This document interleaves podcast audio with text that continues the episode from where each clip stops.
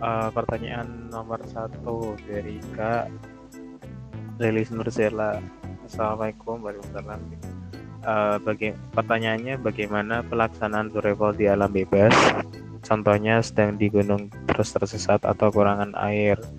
Nah kemarin sama teman-teman SBK Gunung Kidul masih heran gimana caranya bedakan lumut yang bisa keluar airnya tapi tidak beracun dan membuat uh, membuat atau menemukan air saat kita membutuhkan membutuhkan air di hutan atau gunung. Terima kasih. Oh, Oke, okay.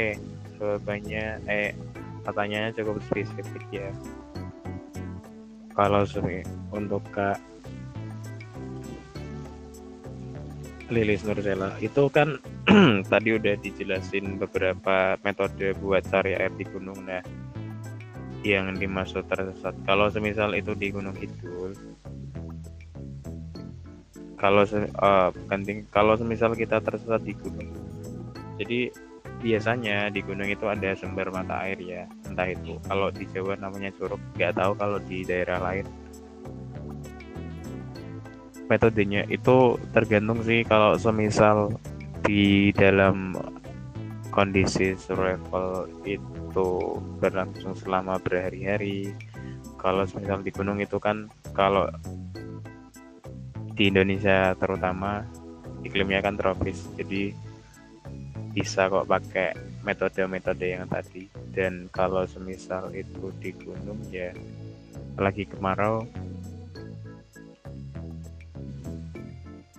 diupayakan untuk yang pertama itu coba dicari rute atau enggak.